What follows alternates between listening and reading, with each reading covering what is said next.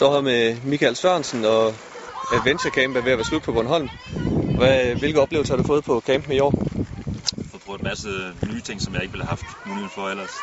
Selvfølgelig kunne jeg godt selv have købt sig nogle af tingene, men komme ud og rappelle og lave alt muligt helt fantastiske ting øh, sammen med nogle skønne, skønne mennesker.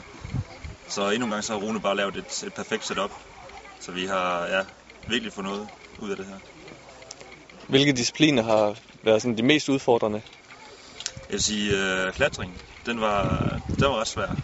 Øh, men det lykkedes også. Men man må finde nogle nye teknikker, hvis ikke øh, kroppen virker ordentligt. Og så har der været øh, stiftet bekendtskab med, med noget paratriathlon eller duatlon, som vi lavede med noget svømning og noget cykelløb. Det er normalt at træne med kun én ting ad gangen, enten svømning eller cykelløb. Men så få det kombineret og lave noget konkurrence ud af det, det har været super fedt.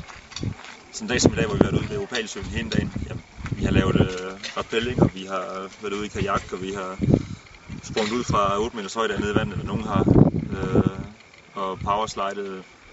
Og, jamen, altså, der har været så mange fede oplevelser. Det giver noget, øh, det giver noget adrenalin, og det giver noget energi, som, som vi nogle gange mangler i hverdagen.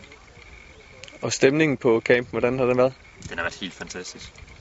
Altså, alle har bare været i godt humør hele tiden, og har bare nyt det, og vi har været heldige med, at vejret har været så perfekt. Øh, og vi havde den ene aften, hvor vi øh, skulle ud og gå en øh, orienteringsmarsch.